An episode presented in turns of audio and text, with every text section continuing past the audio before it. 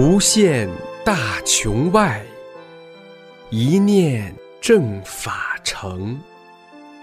师尊慈悲愿，万物沐春风。请听明慧专题《一师恩》。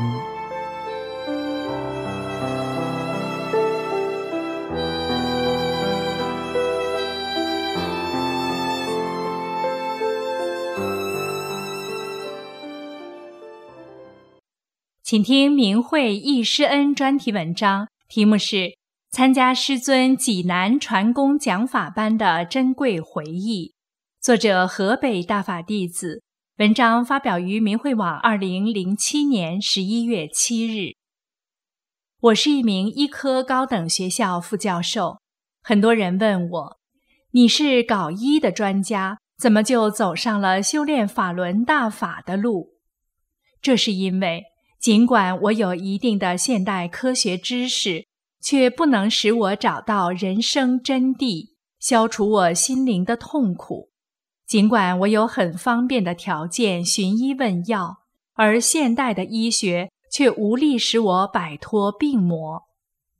回首为修炼前，真是苦不堪言。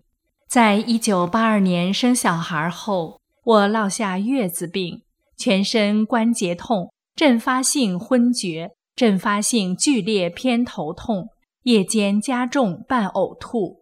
以后旧病没去，又添新病：胆囊炎、乳腺增生、颈椎和尾椎骨质增生、宫颈八氏三级、怕风、重度失眠、全身贴满了风湿膏，沾水骨头就疼，等等十多种病，成了药罐子。但也治不好我的病，我想我怎么活着这么苦啊？一九九四年三月中旬是我生命崭新的开始。一位同学说：“又有一个高工是法轮功，老师您学吗？”我一听是法轮功，坚定地说：“学。”这样，我请到了中国法轮功，捧在手里，一天将书读完。并反复读，我们全家人爱不释手。第一天读后，那一晚上我睡得特别香。而在读的过程中，我打哈欠，舒服的发困，深感这书太神奇了。然后我们全家同我校师生六七十人一起看了李洪志师尊的教功录像。我当时看到师傅的感觉是。师傅怎么这么熟啊？好像在哪儿见过。我坐在前排，看到师傅，看到屏幕上旋转的法轮，我感到肃然起敬，无比亲切。当知道师傅要在济南办班，我毅然冲破了重重阻力，下决心参加。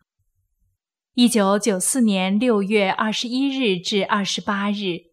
我有幸参加了师尊在济南办的二期传功讲法班，虽然已经过去了十三个年头了，当年情景仍历历在目。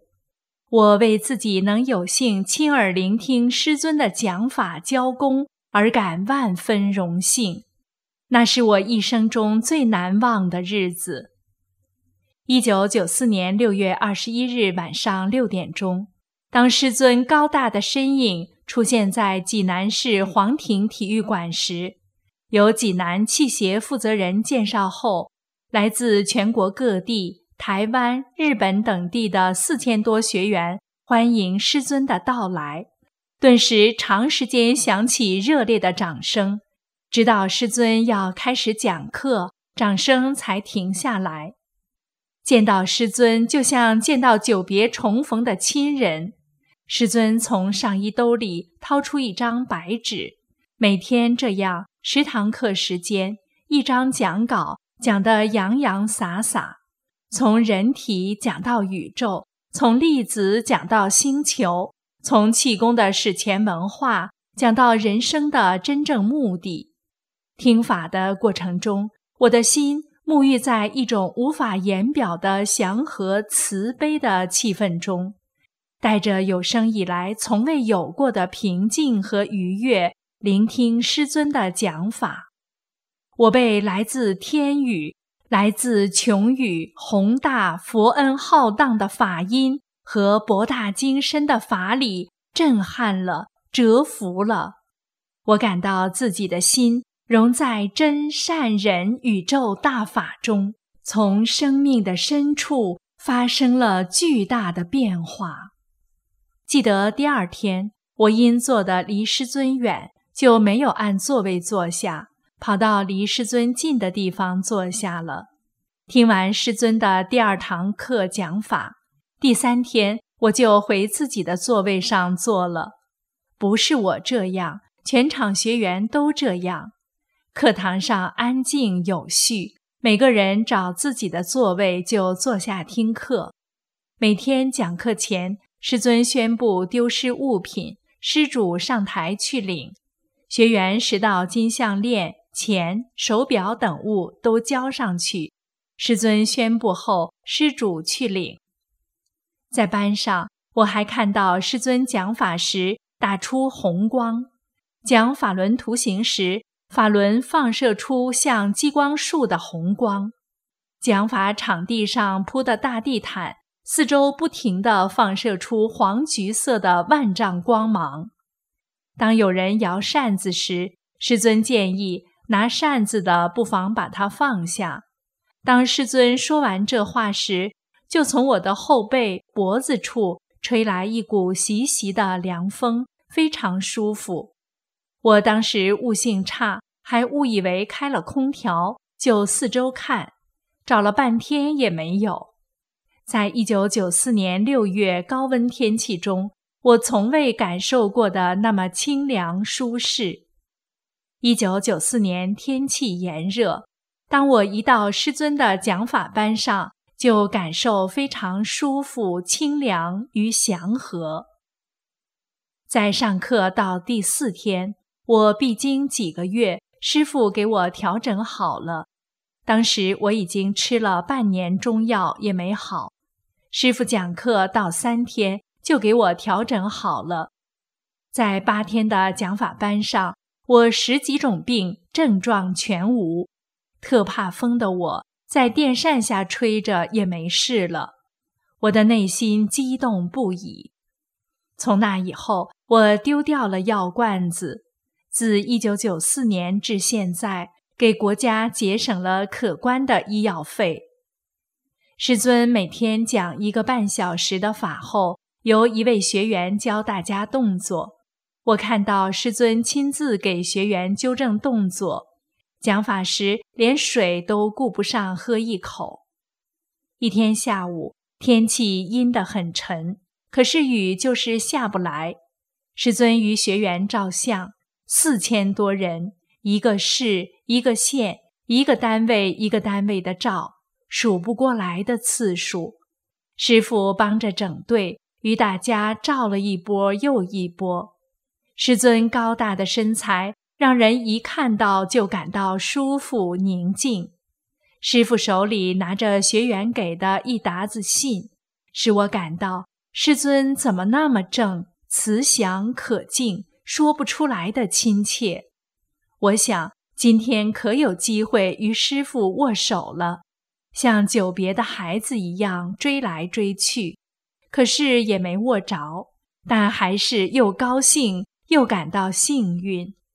在传法班上，师尊给学员打开天幕，学员看到了师尊的躬身，看到了不同层次的神在听法，看到飞旋的法轮、天女散花、五颜六色的光等等各种神奇的景象。六月二十八日晚，师尊最后一堂课讲法解法了，学员提了很多问题，师尊一一解答。我当时也想提问题，可是就是提不出来。我一生中在书本上都没学过，和从来也没听老师讲过的高深法理震撼了我。最后宣布讲法班结束时。全场学员起立，长时间热烈鼓掌。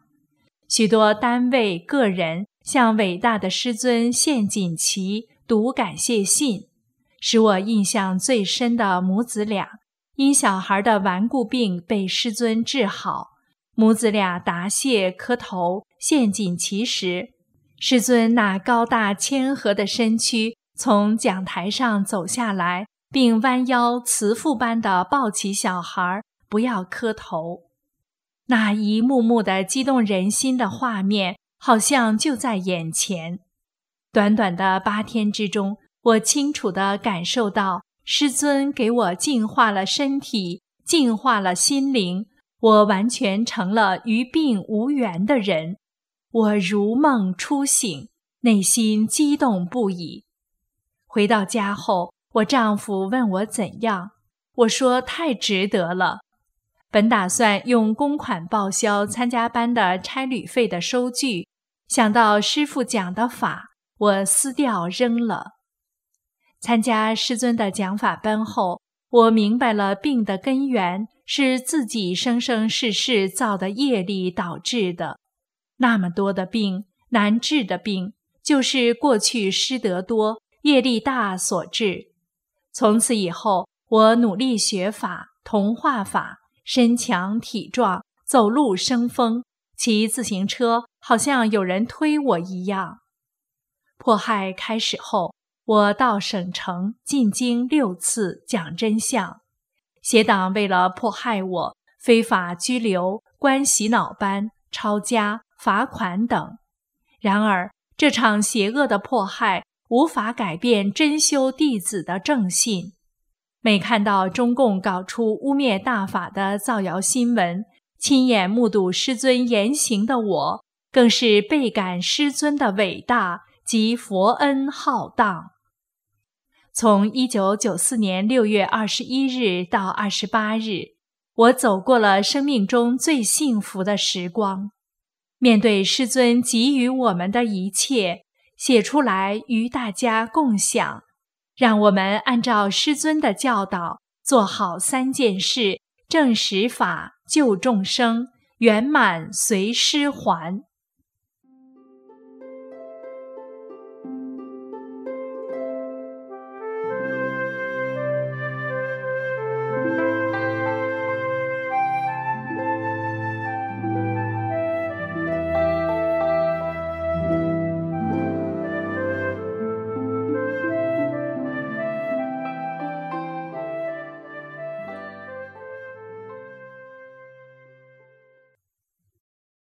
请听明慧易师恩专题文章，题目是《幸福的时光，珍贵的记忆》，纪念师傅来齐齐哈尔传法十五周年。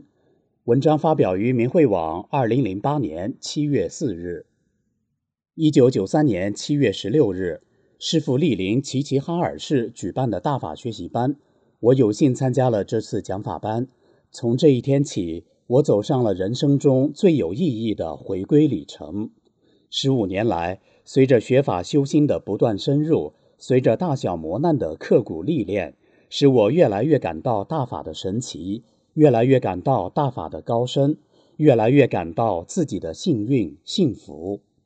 一得法，那是一九九三年七月十三日，我们一小帮练气功的去骑士气功协会。打听有没有气功师要来我市传功。接待我们的负责人说，过两天我市邀请了中国气功科研会秘书长李之南和中国法轮功创始人李洪志大师一起来我市传功讲法，你们就来学吧，并把登有法轮功功法介绍的《中国体育报》送给了我们一份，同时还送给了我们几张报告会的门票。就这样。回家后，我们一起学习了报纸上的介绍，当时就被功法介绍的法轮给吸引住了。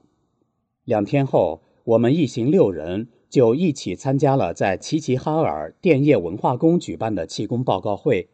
李之南做完报告后，又向全体与会者介绍和推荐了法轮功，对法轮功给予高度评价。他说：“他请李大师来齐市，是他几年前。”向骑士气功爱好者许的愿。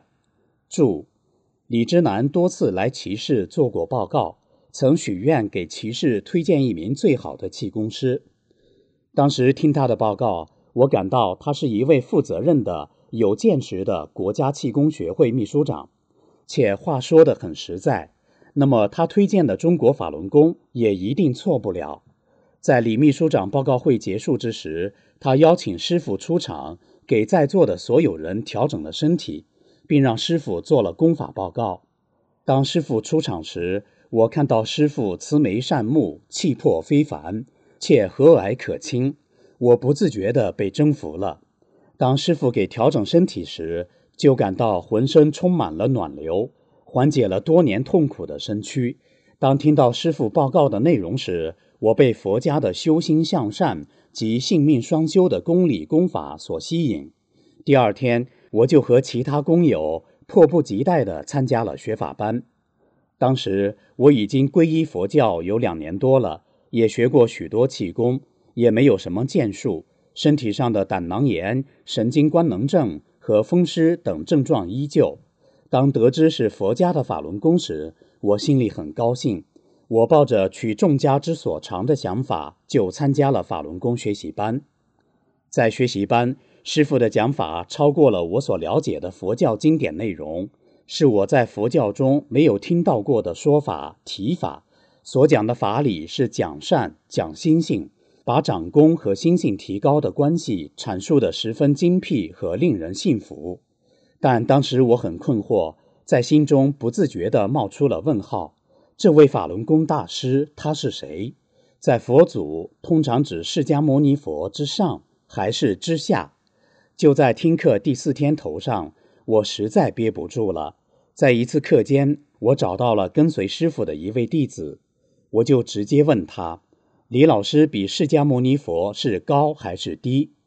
他乐呵呵地对我说：“你好好学吧，李老师比释迦牟尼佛高多了。”听他一说，我带着似信非信的心情继续学着，内心在想：要真是那样的话，我可太幸运了。也许师傅知道了我的疑惑，在后来几天的讲课中。明确地提到了，像释迦牟尼、耶稣、老子等都在讲法场四周给看场，还讲到师傅为度众生，自身当时承受很大。当时听课对这些似懂非懂，经过这么多年，直至今天，我才深深地体悟到，我们的师尊为度我们，替我们承受了多么大、多么多的痛苦和磨难啊，无法言表啊！我由于学禅宗的影响。在得法后的一段时间内，还在法理间进行着比较，时常比较着。但经过思考，我感到法轮功的法理确实不一般，我就又产生了继续跟随大法学习班的想法。真是心想事成，在师傅的安排下，我在一九九四年先后三次利用公出培训的机会，参加了大连、哈尔滨及广州的大法学习班。不然，像我这样工作脱不开的人，是别想外出参加学法班的。记得在广州班，我向师傅提了一个关于佛教的问题，师傅的回答使我彻底对师傅折服了。问题是：您在过去讲课中提到了法轮圣王，和释迦牟尼在《妙法莲华经》中提到的法轮圣王是一个人吗？师傅答说。过去，释迦牟尼佛多次讲过法轮和法轮圣王的事情。后人在回忆释迦牟尼佛讲的这些事情的时候，已经不能全面的把它反映出来了，所以后人也不能理解释迦牟尼佛讲的原意了，发生曲解。后来又产生了什么银轮、铁轮、铜轮等说法，都是后人编造出来的，说释迦牟尼佛转法轮如何如何。那个事情，释迦牟尼佛根本就不是讲自己转法轮。释迦牟尼佛预见到将来，看见知道这样一件事情将发生在未来。见转法轮法解，在广州讲法答疑。听到师傅的解答，使我一下感到师傅对《妙法莲华经》太了解了，连里边提到的金轮、银轮、铁轮。铜轮这四大轮王的说法都清清楚楚，而且还做了更正。我又进一步想到，师傅对《妙法莲华经》的了解，绝不是他在平时看到的，一定是他用佛法神通看到了两千五百年前的真实情况。那本《妙法莲华经》是非常厚的一大本经书哈，就是人工查找四大轮王那一段也得至少半小时。可师傅脱口而出，回想起来，在入门时，这仍然是在人的认识上看师傅的水平和能力，不是法理上对大法的真正认可。但这足以吸引我在大法中实修和证悟这部大法了。在法轮大法中修炼。我不但百病全消，而且还真正的体悟到了自我是谁，体悟到了在我境界内的大法之理。这是在佛教中多年证悟不到的。我庆幸自己返本归真的路走对了，在大法大道中修，像我这样一个业力大的人，才会有幸得此成就啊。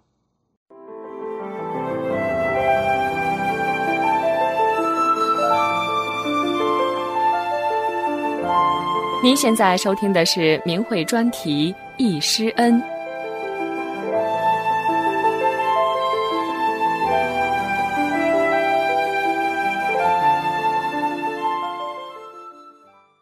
二拔牙之事。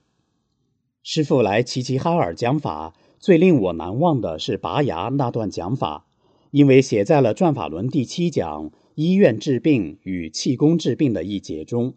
说到拔牙这件事，当时在齐齐哈尔市许多市人都看到过。我也多次在龙沙公园二号门口遇见那位南方的拔牙卖药人，他药摊上的那一堆牙像小山一样高，至今回忆起来还历历在目。可怎么也没有想到，就是这么一件寻常的拔牙之事，经过师傅这么一讲，不仅让人恍然大悟。真正的感受中华文化的博大精深，而且恰到好处地破除了人们对现代科学的迷信。当时师傅就住在离公园二号门很近的五一宾馆，有时早晨到公园去走走，许多人都看见过。一位同修曾经看到师傅在公园给一个农村有残疾的小孩治好了病，那个小孩开始是不能独自走路的，师傅看到后。就让他的父母离开，让他自己走。然后这小孩在师傅的引导下慢慢走起来。他的父母乐坏了。当抱起孩子找师傅谢恩时，已经不知恩人的去向了。师傅经常默默地以这种做好事不留名的方式教导着弟子。师傅把来往于公园路上所遇见的拔牙之事讲到了大法中，用此事把高深法理展示给修炼者。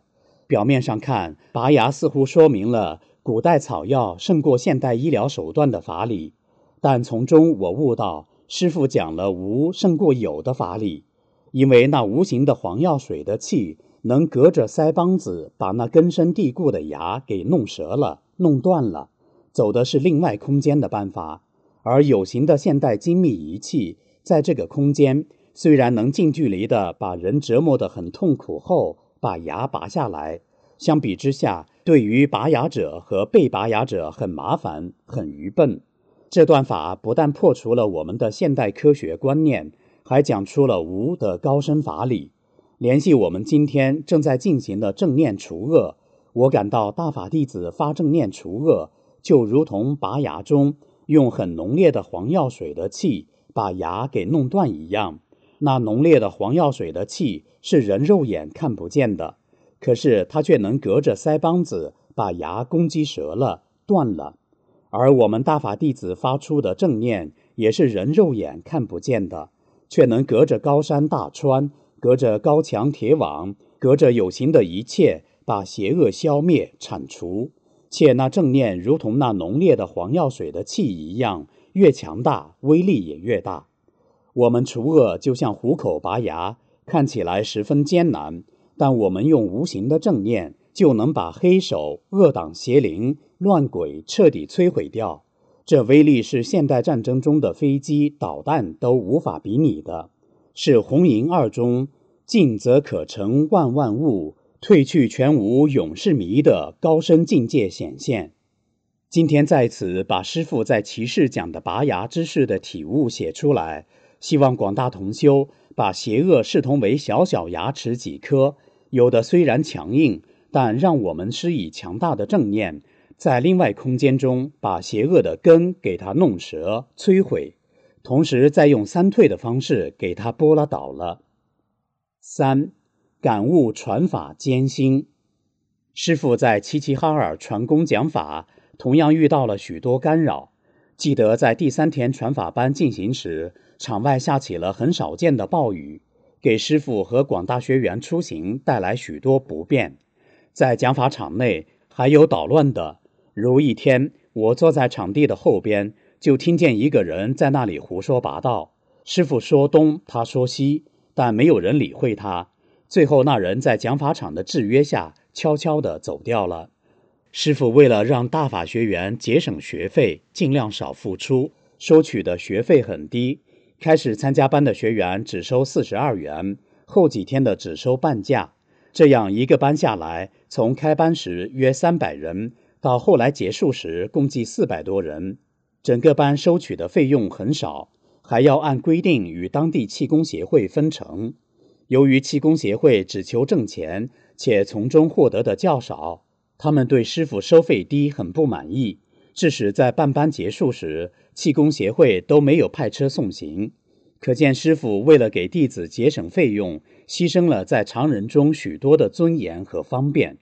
在结束的当晚，师傅一行为了赶往北京办班，没有休息就直奔车站，赶夜间十一点多的那趟火车。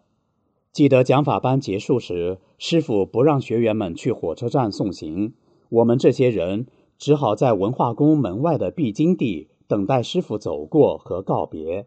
我们人人都含着泪水，目送师傅一行几人走远，直到他们消失在茫茫的夜色之中。回忆师傅来齐齐哈尔传法的那难忘的情景，那幸福的时光，那珍贵的记忆，只觉千言万语。也数不尽师恩浩荡，今生能得大法，真是三生有幸啊！大法使我们结束了千万年的彷徨等待，这种得法的喜悦像吃蜜一样香甜，那是人世间什么幸福也无法相比的。师傅的慈悲和智慧，师傅的身影和笑貌，师傅的关怀和辛劳，将永远驻留在齐齐哈尔这片土地上。存留于大法弟子的心灵中。无论经受多么大的磨难，我将遵照师尊指引的路，坚定地走下去，正实法，救度齐齐哈尔这方众生，直至功成圆满。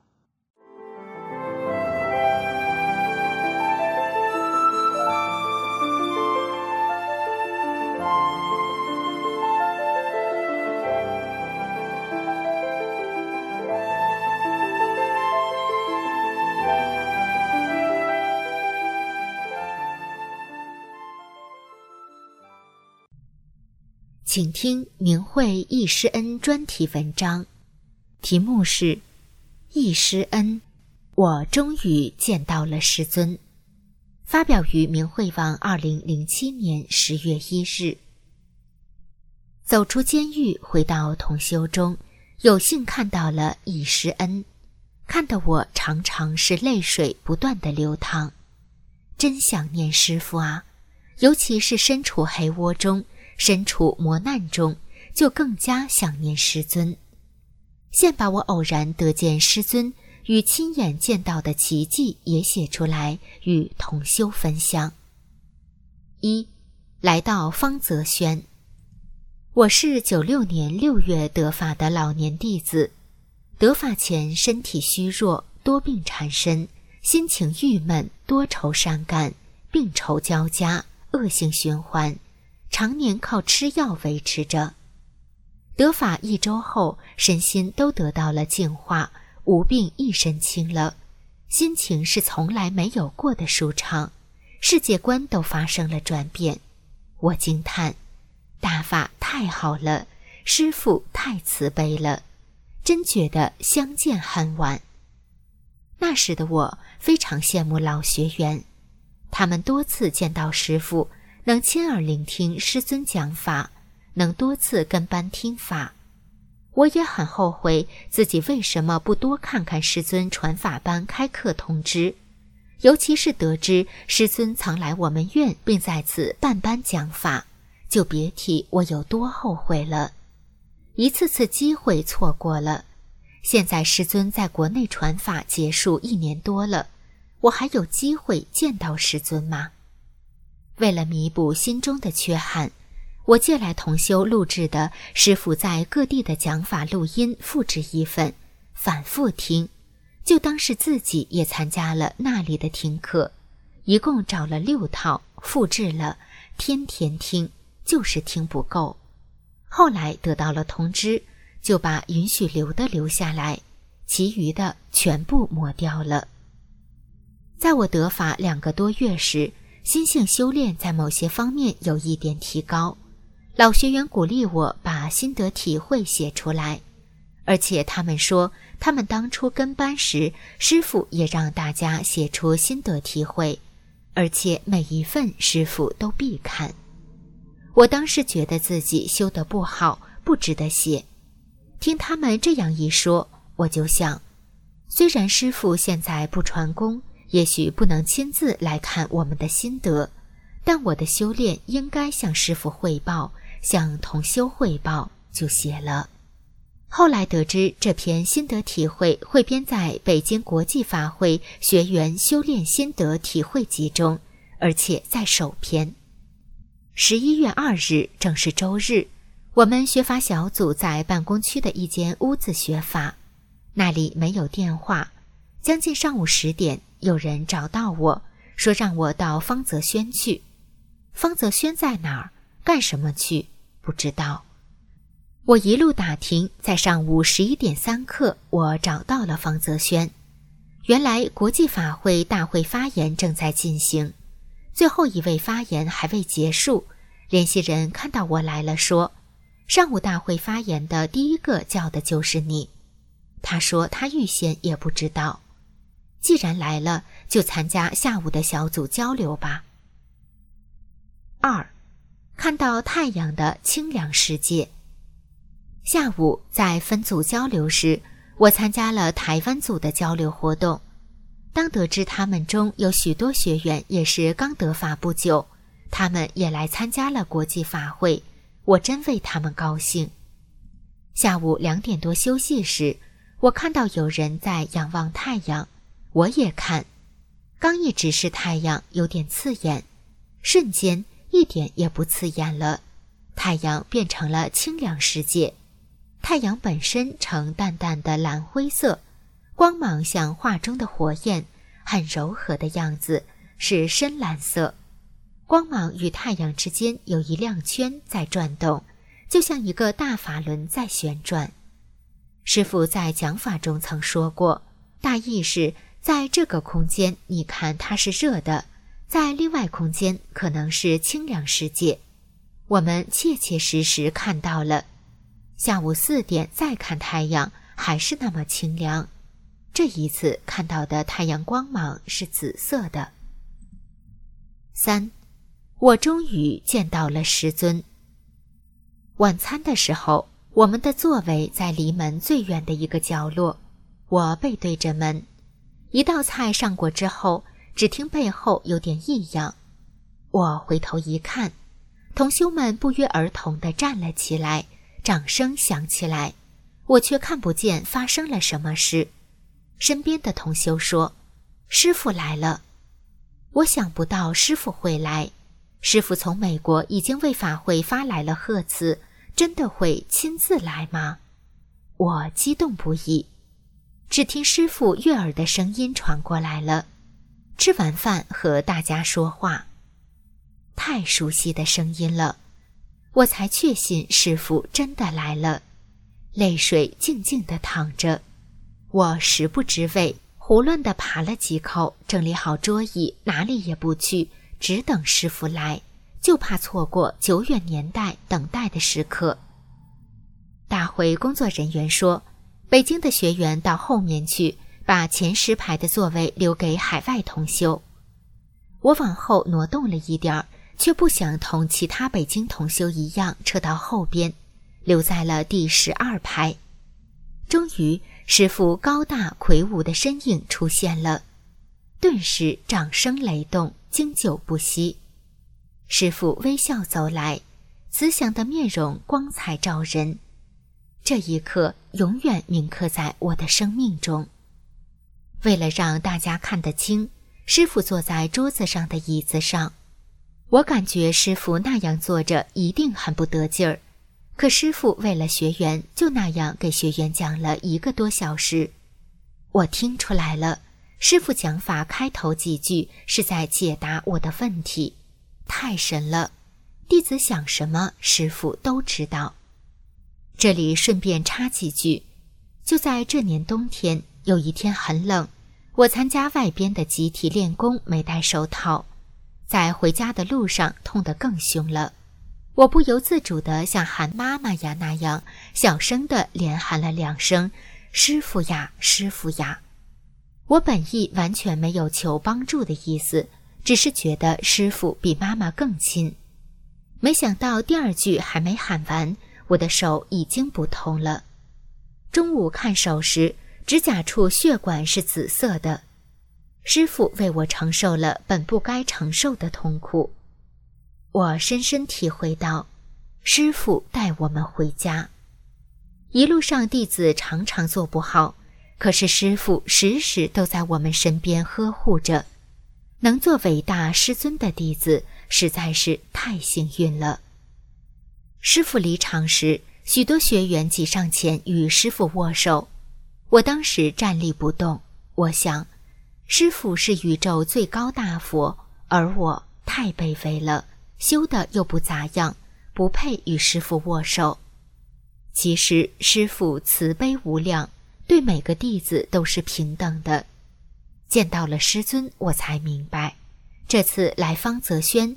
是伟大慈悲的师尊潜心安排，让我一朝亲得见的，什么语言都无法表达我心中的感激。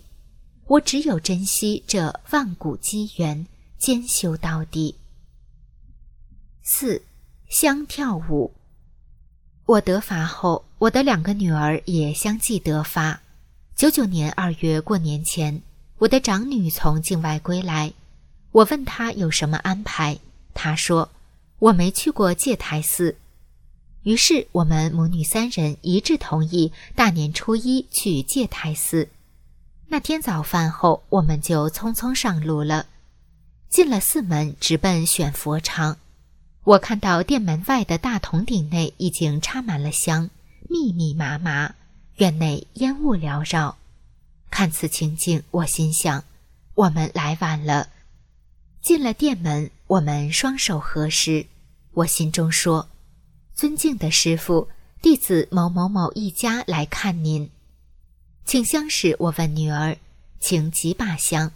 长女说：“请三把。”小女说：“请一把，表示我们三人一条心。”这个主意好，我们决定请一把香。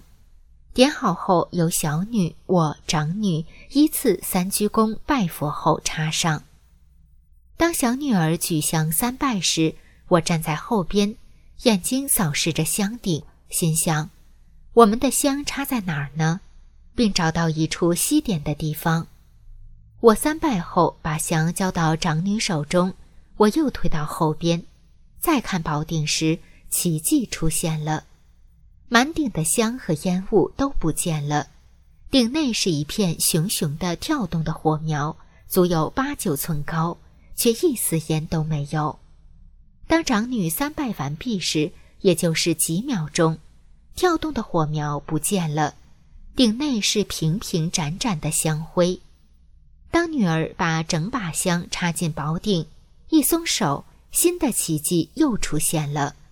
整把香像一朵正在开放的鲜花，缓缓向外开放，开到最大时又向中心合拢，然后再开再合，更像一群仙女在跳舞，个个向后展腰，又向内合来，配合默契，反复开合许多次，既柔软又富于弹性。我们看呆了。也明白了，是师傅在给我们展示神迹。我们双手合十，激动万分。小女儿合着时，又双脚跳着，喊着：“香跳舞了，香跳舞了！”正在此时，有人把他的香也插进鼎中。可是当此人转身离开时，香就向外倒了下去，而我们的香仍在继续舞蹈。经反复多次开合。似各个仙女分别向四面八方仰卧下去，白烟升起，飞上蓝天。整个过程大约是几分钟。我们悟到，是慈悲的师尊鼓励我们坚定修炼，一修到底。走过八年的风风雨雨，更觉师恩浩荡，佛恩浩荡。可是我很惭愧，风雨中走的不稳。磕磕碰碰，尤其在四年监禁的头两年，面对残酷的迫害，我曾经摔跤、爬起，又摔跤，再爬起，直到走正走稳。是师傅操碎了心，在引领着弟子走正回家的路。长女在境外正做着三件事，我也要继续做好三件事，不辜负师尊的慈悲苦度。